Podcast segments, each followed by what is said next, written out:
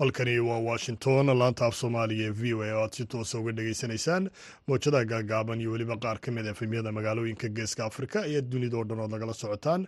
Boggayaga v o a somali com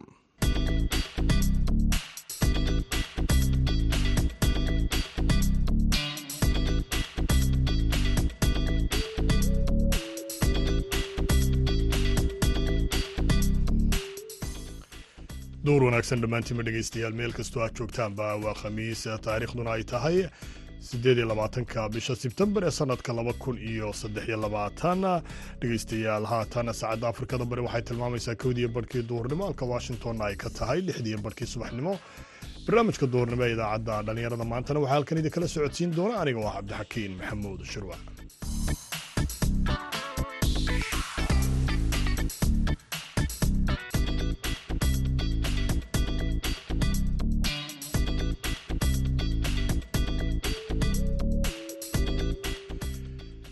qodobada dhegeystayaal ku maqli doontaan barnaamijka duhurnimada ee dhallinyarada. Maantana waxaa ka mid ah dhallinyaro la wareegay howlihii nadaafadda xeryaha dhadhaab oo shaqa abuur u sameeyey dhallinyaro kale oo badan. Shaqaalaheenna wuxuu dhan yahay wuxuu ka kooban yahay ilaa hadda lixdan iyo shan qof oo shaqaalaha noo shaqayso sababtaasna waxaa meeshaasna faa'iide ka soo baxday inaan shaqa abuur u subinnay dhallinyaradii xarooyinka degneed oo ay soo wajahday dhaqaale yaraan. Hay'adda biiswin ayaa hadda ugu dambayn haysay sanitationka waxay haysay waxay lahaayeen sanitation oo soddon qof oo shaqaalo sanitation cleaners. Sidoo kale waxaad maqli doontaan warbixin ku saabsan dhallinyarada gobolka bari ku matelaya tartanka kubadda cagta puntland oo dib u soo laabtay. Dhinacii heesaha iyo weliba xubintii ciyaaraha ayaad dhegeystayaal ku maqli doontaan. Intaan ku guda jirno idaacadda duurnimo ee barnaamijka dhallinyarada maanta hase yeeshee marka hore ku soo dhowaada qaar ka mida qodobadii wararka adduunka ugu waaweyna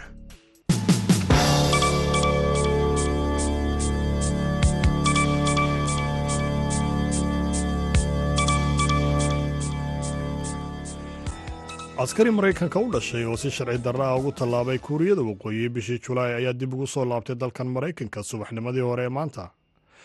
Mas'uul ka tirsan wasaaradda gaashaandhigga maraykanka ayaa sidaasi sheegay isagoo intaasina sii raaciyey islamarkaana xusay in askarigan oo lagu magacaabo trafas king. Uu ka soo degay magaalada san antonio ee gobolka texas mas'uul sare oo ka tirsan maamulka madaxweyne joe biden ayaa sheegay islamarkaana warfidyaenada u sheegay xiluu arbacadii u warramayey in trafas king laga soo saaray kuuriyada waqooyi islamarkaana uu soo tallaabay shiinaha iyadoo ay gacan ka geysteen amaba uu gacan ka geystay dalka sweden oo hawshaasi u fudaydiyey waxaanu intaasi ku sii daray mas'uulkaasi in intaasi kadibna maraykanku uu ku guddoomay halkaasi islamarkaana uu dalka dib ugu soo gudbiyey uu halkan sidaasi ku soo gaadhay ma jirto wax lagaga bedeshay kuuriyada waqooyi sida mas'uul sare oo maamulka ka tirsan uu v o a u sheegay. Xilli uu arbacadii warfidyaenada u warramayay islamarkaana uu faahfaahin arrimahan ka siinayey militariga ukrain ayaa maanta sheegay in difaacooda cirku ay soo rideen. Afar iyo soddon ka mid ah afar iyo afartan diyaaradaha daroniska loo yaqaano gaar ahaan kuwa lagu magacaabo shaahid kuwaasoo ruushku u adeegsaday inuu habeennimadii amaba habeen barhkii dalkaasi ukrain weerar ku qaado islamarkaana uu diyaaradahaasi u adeegsado. Aagga weerarkan lala beegsaday ayaa ka mid ah islamarkaana ay ka mid yihiin mayolek odesia iyo weliba krihard oleg kiber oo ah guddoomiyaha gobolka odesa ayaa khadka telegaraamka ku sheegay inaanay jirin cid wax ku noqotay weerarada halkaasi lagu qaaday. Islamarkaana ay jirin wax burbura oo ka dhashay weerarkaasi balse keliya waxoogaa doog ahi uu ku gubtay. Meelaha burburka diyaaradahaasi markii la soo riday uu ku dhacay madaxweynaha ukrain valadimir zelenski ayaa isaguna khudbadiisii habeennimada u jeedin jiray sida caadada ahayd uu dadka kula hadli jiray arbacadii ku sheegay. In dagaalyahanada dalkiisu ay u baahan yihiin tashiilaad badan oo ay ku burburiyaan. Gantaalaha ruushka diyaaradaha daroniska loo yaqaano shahiid iyo weliba sida oo kale diyaaradaha kale ee ruushku uu adeegsado inuu ku weeraro dalkaasi ukrain dhegeystayaal qodobadii wararka adduunka ugu waaweynaa waa naga intaasi haatanna u diyaar garooba qaybaha dambe ee idaacadda duhurnimo ee barnaamijka dhallinyarada maanta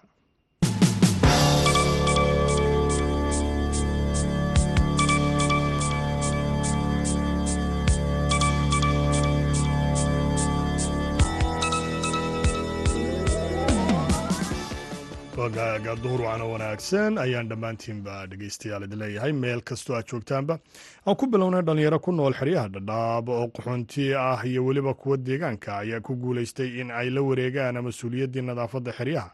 Kadib markii hay'adii hay'adaha samafalku ay joojiyeen adeegyadii nadaafadda ee ay xeryahaasi ka fulin jireen taasoo sidoo kale shaqo abuur u noqotay dhallinyaro badan.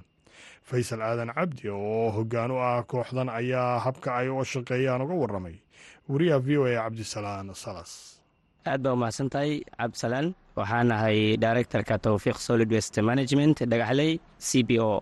Waayahay warar faysal waa maxay towfiiq towfiiq waa urur isku imaaday oo dhallinyara oo tashtay oona ka kooban host community deegaanka aan meeshan lagu marti qaaday oon degannahay iyo qaxootigii dhallinyaradii oo aan isku imaanay fikirkana aan la imaanay inaan bulshadeenna ka caawinno aan waxyaalaha nadaafadda aan ka caawinno.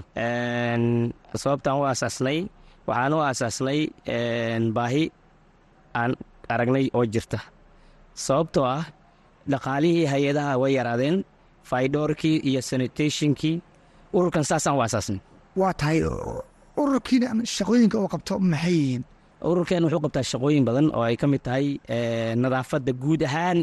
Wax walba oo nadaafadda ku saabsan hadday noqon lahayd solid westigi hadday noqon lahayd dumping siteki oo laga shaqeynayo wixiiba adiga all aspects of environment wixii ku saabsan nadaafad guud ahaan ururkan ayaa u xil saaran. Kaloo aan partnership la lahayn oo nagu soo wareejiyey markii ay dhacday dhaqaalayaro soo aaday ayadda biswin iyo u n c r.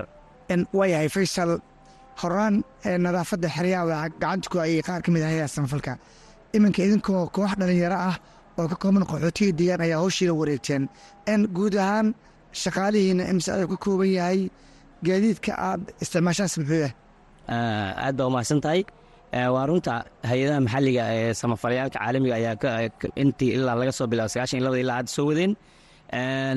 Dadkan wuxuu degan yahay ilaa soddon sano meeshan. Maadaama dhaqaalihii yaraaday oo hay'adihii sii gureen waxay hay'addii ku baaqday inaysan dhaqaale u haynin sanitationkii iyo barnaamijkii sii socon lahaa xarooyinkan keli dhagaxley ma aha. Waa dhadhaab guud ahaan.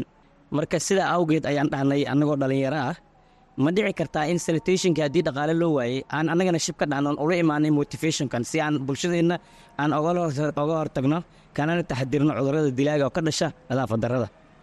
Shaqaalaheenna wuxuu dhan yahay wuxuu ka kooban yahay ilaa hadda lixdan iyo shan qof oo shaqaalaha noo shaqayso sababtaasna waxaa meeshaasna faa'iide ka soo baxday inaan shaqo abuur u subinnay dhallinyaradii xarooyinka degneed oo ay soo wajahday dhaqaale yaraan. Hay'adda biswin ayaa hadda ugu dambeyn haysay sanitationka waxay haysay waxay lahaayeen sanitation oo soddon qof oo shaqaalo sanitation cleaners. Waan kala wareegnay xitaa kuwaas siday u daadiyeen baan u qaadanay way noo shaqeeyaan. Waxaa kaloo suubinay kareetooyin barnaamijka fikir aan la imaanay oo aan magaalada suuqa iyo xaafadaha u dhowba kaga aruurinayna. Mustaqbalkana aan rabno in baloogyo oo dhan xaafad walba aan gaarsiino on qashin kaga qaadno. Oo aan ka geynay dumping siteka si ay ilaa waxaa dhacday in ilmo yar loo soo dhiibay qashin ay waddooyin ku daadiyaan. Si taas aan uga hortagno shaqaalaheenna waan badin doonaa insha allahu tacaala. Hadda lix kareetaa shaqaysa lix qof oo shaqaalaha meesha shaqa abuur ka helay magaalada iyo xaafadaha section e bay hadda ka qaadaan qashinka. Waa barnaamij dhaqaale u baahan en halkee baad caawin ka heshaan qaabkaysa bulsho ugu adeegtaan. Aad baa umahadsan tahay hadda waqti xaadirkan meel aan ka helno oo aan ka ahayn bulshadeenna aan ku tiirsanahay ma laha. Waxaa bixiyaa bulshadeenna dhagaxley mana ku filno baahidaasna ma dabooleyso waxaan marka si dheer cod dheer anoo ku hadlaya magaca hay'adda aan ku codsanaynaa hay'adaha samafalayaalka caalamka iyo deeqbixiyaalka caalamka inay arrinta naga taageeraan oo dhaqaalo nagu siiyaan barnaamijkan dhaqaalo aad u weyn buu u baahan yahay. Qaabkii baad ugu qaadaan khidmaadka dadka qaxootiga ah? Waxaan oga qaadnaa mantly bis waaye bil waaye maalin walba lagama qaado. Midda kale waxaan tixgelinaa businesska hadda ku bilownay suuqa.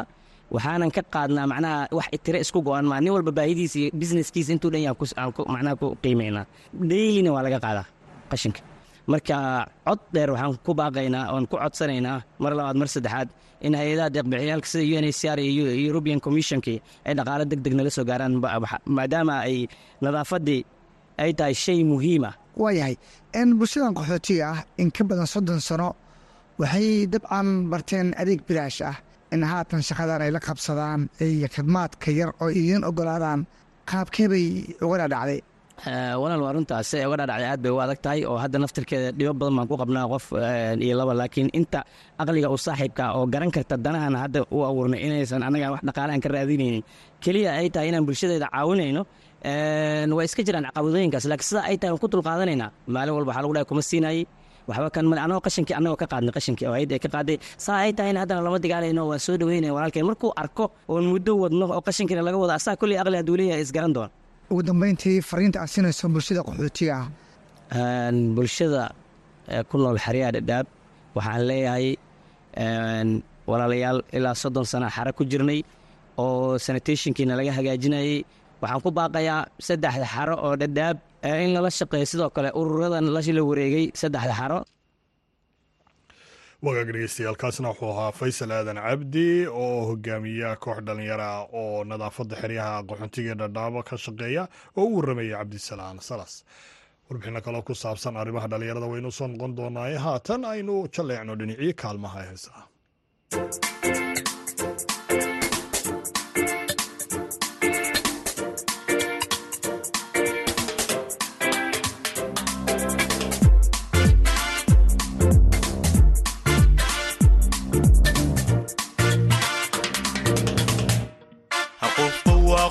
qofkaygu waa qaali aqurba waa qudheede qudhiisu igu qanacsan. Hayga muuqasarina dooqu u qofsanii xul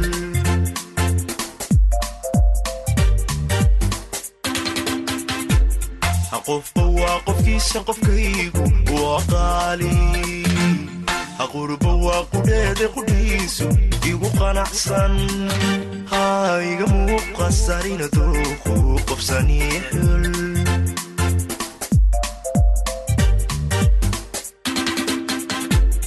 qalbiga jacaylu qabo mid kale qabanaynin mana qoomamayn barashada marqura ma qabiyaynin qofkaan jeclahay farxaddaan ku qabo ma qiyaasna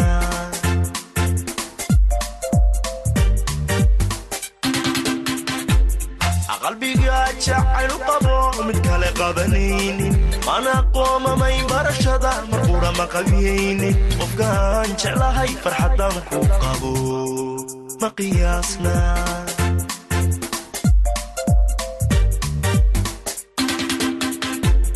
aqosoliyo kalgaxal wakhtigayga ha kula qaatay ha isma qursano qabkuu xunya ka qashaafnay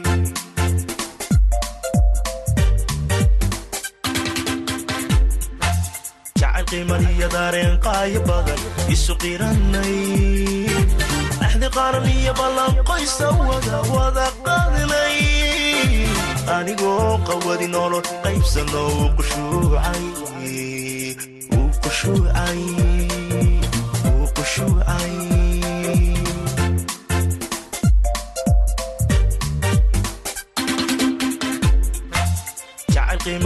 daareen qaayo badan isu qiranay axdi qaran iyo ballan qoysa wada wada qaadnay anigoo qawadi nolol qaybsano uu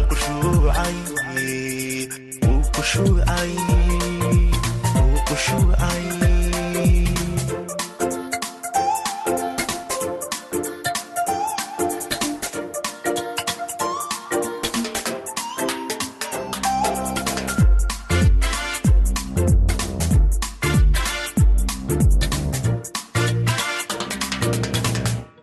qushuucay uu qushuucay wadnahaan ku qoray qumatayda naftu way qirtee quruxdeeda la ysla qaaday. Aqotonkeeda iyo qabdhismeedku isqu weeye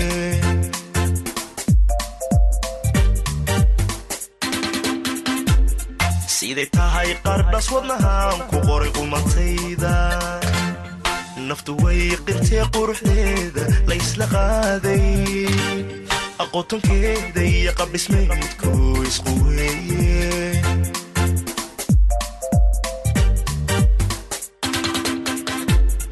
qacda eegmadiyo araggeedan ku qaboobay unu yeelato qalintadu nafti qandaraastay qabsatoo ka shaqayrkeedu jecel qowlkeeda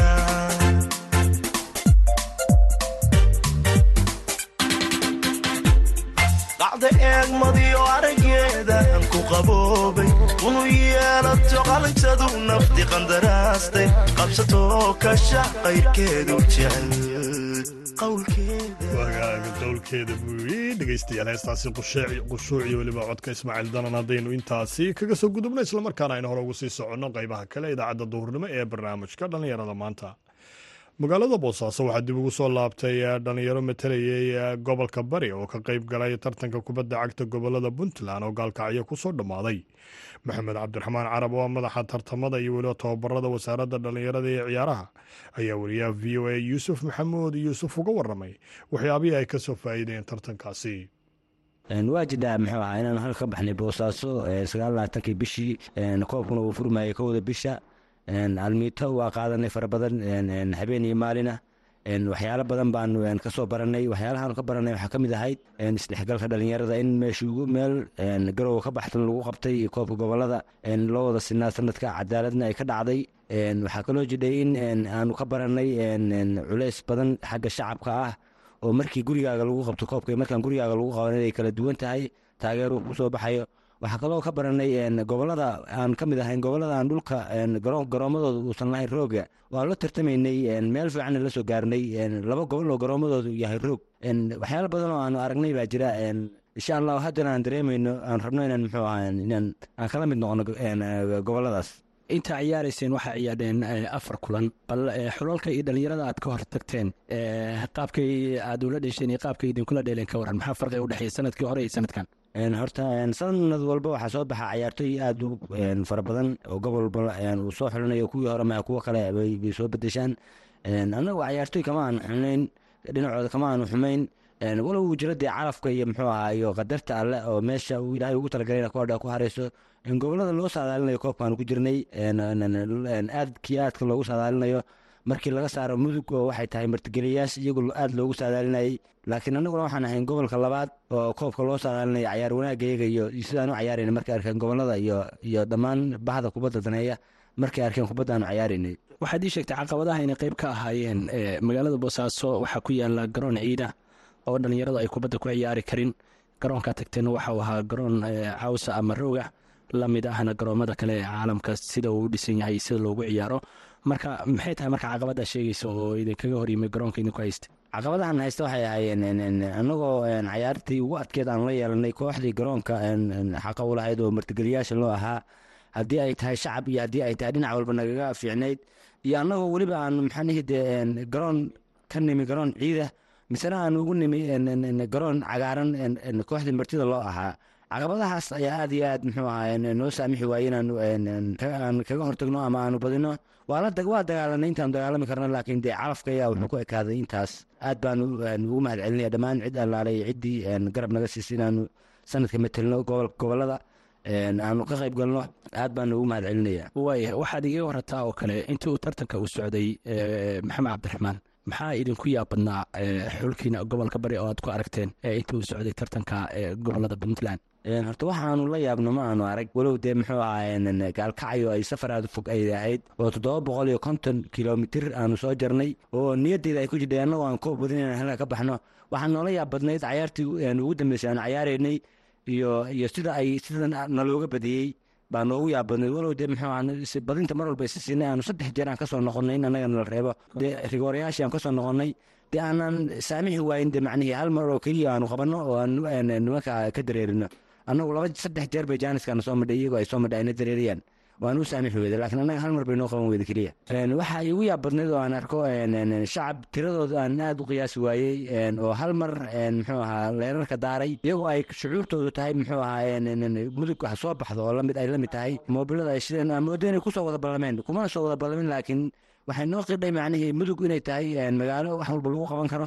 Magaalo amnigeedu saxan yahay magaalo muxuu ahaa soo dhoweyn fiican wax soo dhoweyn waxaynu kumaanu arag laakiin soo dhoweynteedu aad bay u ficneed aad iyo aad baan ugu mahad celinaya sida quruxda badan ay gobollada sanadka u martiqaadeen tartankan waxaa ka qayb gelayay ilaa iyo sideed gobol oo puntland ah bal waxaad iga warataa maxamed sideedaas gobol oo dhalinyarada ka kala socday maxaa laga dhaxlay oo isbarasho ah dhalinyarada Een, aad iyo aad bay horta muxuu ahaa ugu fiicnayd. Waxyaalaha laga dhexlo koobka gobollada waxaa ka mid ah isbarasho iyo muxuu ahaa in dhalinyaradu muxuu ahaa ay magaalo ka magaalo ay aadi kadho oo muxuu ahaa een, cayaartooyga sanadka gobolka caya- cayaar ahaan loogu yeeran karo muxuu ahaa koox ahaan inuu koox gaalkacyo ka mid oo cayaardhoo kaleeto ama muxuu ahaa lagana barta dee tifiya laga daawanaya cayaartooyga mustawihiisa iyo mustaqaamkiisa iyo inta uu gaarsiisan yahay in macnihii magacna uu ku samayn karo baa waxyaalo aad u fara badan bay qofku ahimiyadiisu tahay inuu muxuu ahaa gobolkiisa matalo.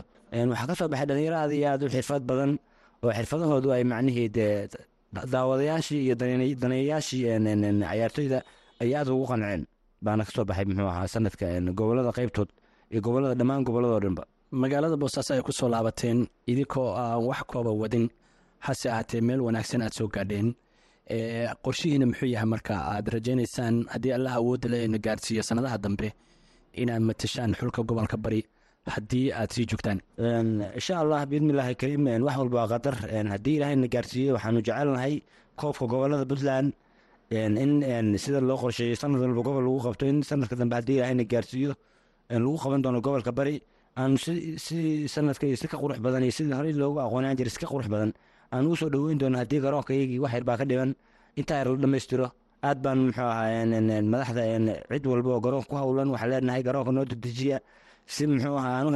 cid taya leh ku baratay. Si goorta koobka gobollada loo furo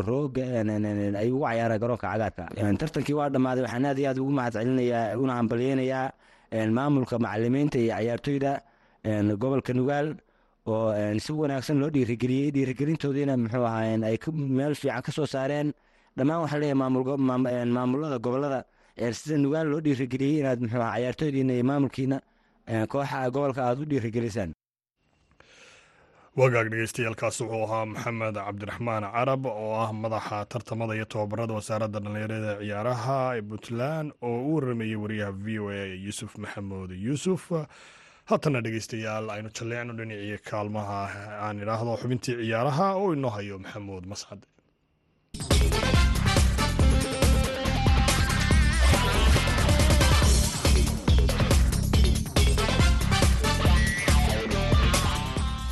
Kuna wanaagsan dhegaystayaal dhammaantiinba kuna soo dhowaada xubinta ciyaaraha. Waddanka talyaaniga haddii aan ku bilaabo kooxda kubadda cagta inter milan oo gurigeeda ku ciyaaraysay habeenkii xalay ahaa jilbaha dhulka loogu dhuftay kadib markii laba gool iyo hal lagaga adkaaday gegideeda sansiro stadium oo kooxda saswolo ay laba gool iyo hal kaga xaraga qaadatay.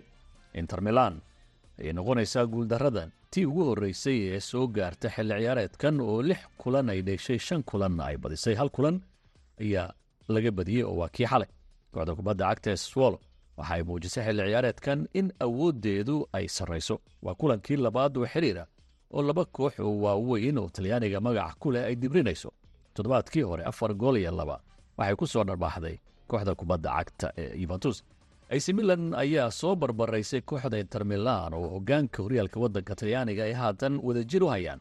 Kadib markii kalyari ay gurigeeda ku soo dharbaaxday saddex gool iyo hal laziyo laba gool iyo waxba torino ayay kaga adkaatay nabolina afar gool iyo hal waxay ku dhufatay kooxda udinesa waxaana kooxda naaboli xilli ciyaareedkan inkastoo ay horyaalka difaacanayso ay ku bilowday si gaabisa waddanka ingiriiska waxaa la ciyaaray kulamo ka tirsan wareegga saddexaad ee koobka iyo falkaabka kooxda kubadda cagta ee chelsea ayaa markii ugu horreysay in muddaha habeenkii xalay ahaa guulaysatay oo brighton ayay hal gool iyo waxba kaga badisay tiro taalleeg arsenaal ayaa ku guulaysatay oo kooxda kubadda cagta ee brentford ku soo martay. Laakiin kulankii ugu xiisaha badnaa ee habeenkii xalay ahaa dhacay waxa uu ahaa kii dhex maray kooxaha kubadda cagta manchester city iyo newcastle united. Manchester waxay booqatay guriga kooxda newcastle united agegyada caanka ee st james burg oo taageerayaal aad u badan oo newcastle u difoosaynayay ay soo buuxiyeen. Hal gool iyo waxba kooxda kubadda cagta ee newcastle united ayaa ku adkaatay. Xilli ciyaareedkan waa markii ugu horreysay oo manchester city kulan laga adkaado koob kasta oo ay ciyaartayba. Haddaba guuldaradan soo gaartay kooxda kubadda cagta ee manchester city maxaa ugu wacnaa su'aashaasi waxaa ka jawaabaya faarax maxamed cali oo ciyaaraha ka faallooda kana tirsan laanta afka soomaaliga ee v o waa mahadsantaa mascada runtii guuldarada soo gaartay manchester city Eh, dhowr sababood ayaa la dhihi karaa ah, way horseeday. Eh, inkastoo eh, kooxda newcastle maalmihii ugu dambeysay ay muujinaysay eh, eh, firfircooni dheeraad ah waayadii toddobaadkii hore eh, sideed iyo eber uga soo badisay eh, kooxda sheffield horyaalka ciyaartii ay la kulantay Eh, haddana waxaa la dhihi karaa in kooxdaasi ay haysato runtii ciyaartooy firfircoon oo kaalinta labaad ama qeybta labaad ee kooxda ka mid ah. Eh, runtiina way raadinayeen in maaragtay eh, guuldarro ay dul dhigaan eh, kooxda manchester city. Eh, city qudheeda waxay nasisay ilaa iyo sideed ciyaaryahan inkastoo newcastle qudheedu ay ilaa toban ciyaaryahan ay nasisay laakiin eh, guud ahaan markaa fiirisid labada kooxood oo midna laga leeyahay imaaraadka midna laga leeyahay sacuudiga eh, waxay labaduba soo bandhigeen ciyaar wanaagsan. Kooxda kubadda cagta ee manchester city ayaa toddobaadka soo aada waxa ay la ciyaari doontaa kooxda kubadda cagta ee wolves oo ay gurigeeda ku booqanayso kulan ka tirsan horyaalka waddanka ingiriiska. Wolves lafteeda toddobaadkan ayaa laga reebay koobka e f l cup. Haddaba waxaa la isweydiinayaa guuldaradii xalay soo gaartay manchester city waxay noqon doontaa mid wax u dhinta oo guuldarro kale ku keenta mise waa ay ka gelgelan doontaa oo guriga wolves guul ayay ku soo qaadan doontaa. Waa kan mar kale faarax maxamed cali. Ma filayo in guuldaradani ay dhibaato weyn ku keeni karto xawliga ay ku socoto manchester city walow dhinaca kale la dhihi karo in ciyaartooyda dhaawaca ah iyo kuwa maqan ama ganaaxa ku maqan sida eh, rudio iyo maaragtay eh, debron inay dhibaato u keeni karaan kooxda. Laakiin eh, niyadjab eh, waxaan is leeyahay inay ka haraan koobkan eh, eh, kuma maaragtay keeni karto ciyaartii eh, newcastle. Eh, waana og tahay in si maaragtay si fiican ay ku bilaabeen eh, horyaalka oo weliba ayaga hogaaminaya horyaalka champions leagueka way ku jiraan oo ciyaartii ugu horreysa waa badiyeen waxaan is leeyahay in eh, maaragtay guuldaradan aysan u dhutin doonin. Dhinacan iyo waddanka maraykankana haddii aan jaleeco koobka loo yaqaano u s open cup ayaa ciyaartiisa kama dambaysta oo isugu soo baxeen kooxaha inter miami iyo houston. Dynamo habeenkii xalay ah waxaa fooda la isku daray guriga kooxda inter miami oo koobka iyadu martigelinaysa. Laakiin martigelinteedu guul uma keenin oo laba gool iyo hal ayaa lagu dharbaaxay koobkana sidaasi waxaa ugu guulaysatay kooxda kubadda cagta ee houston dynamo. Taageerayaasha kooxda kubadda cagta inter miami ayaa qalbijabkan waxaa u dheer inuu gegida ka maqnaa ciyaaryahan leonel messi oo kooxda dhowrkii kulan ee la soo dhaafay dhaawac kaga maqnaa laba oga goorta uu ciyaaryahanku kooxda dib ugu soo noqon doono. Xubintaana ciyaarintan ku soo gabagabeynaa tan iyo kulan dambe waa mascadda idinku dhaafaya sidaa iyo doli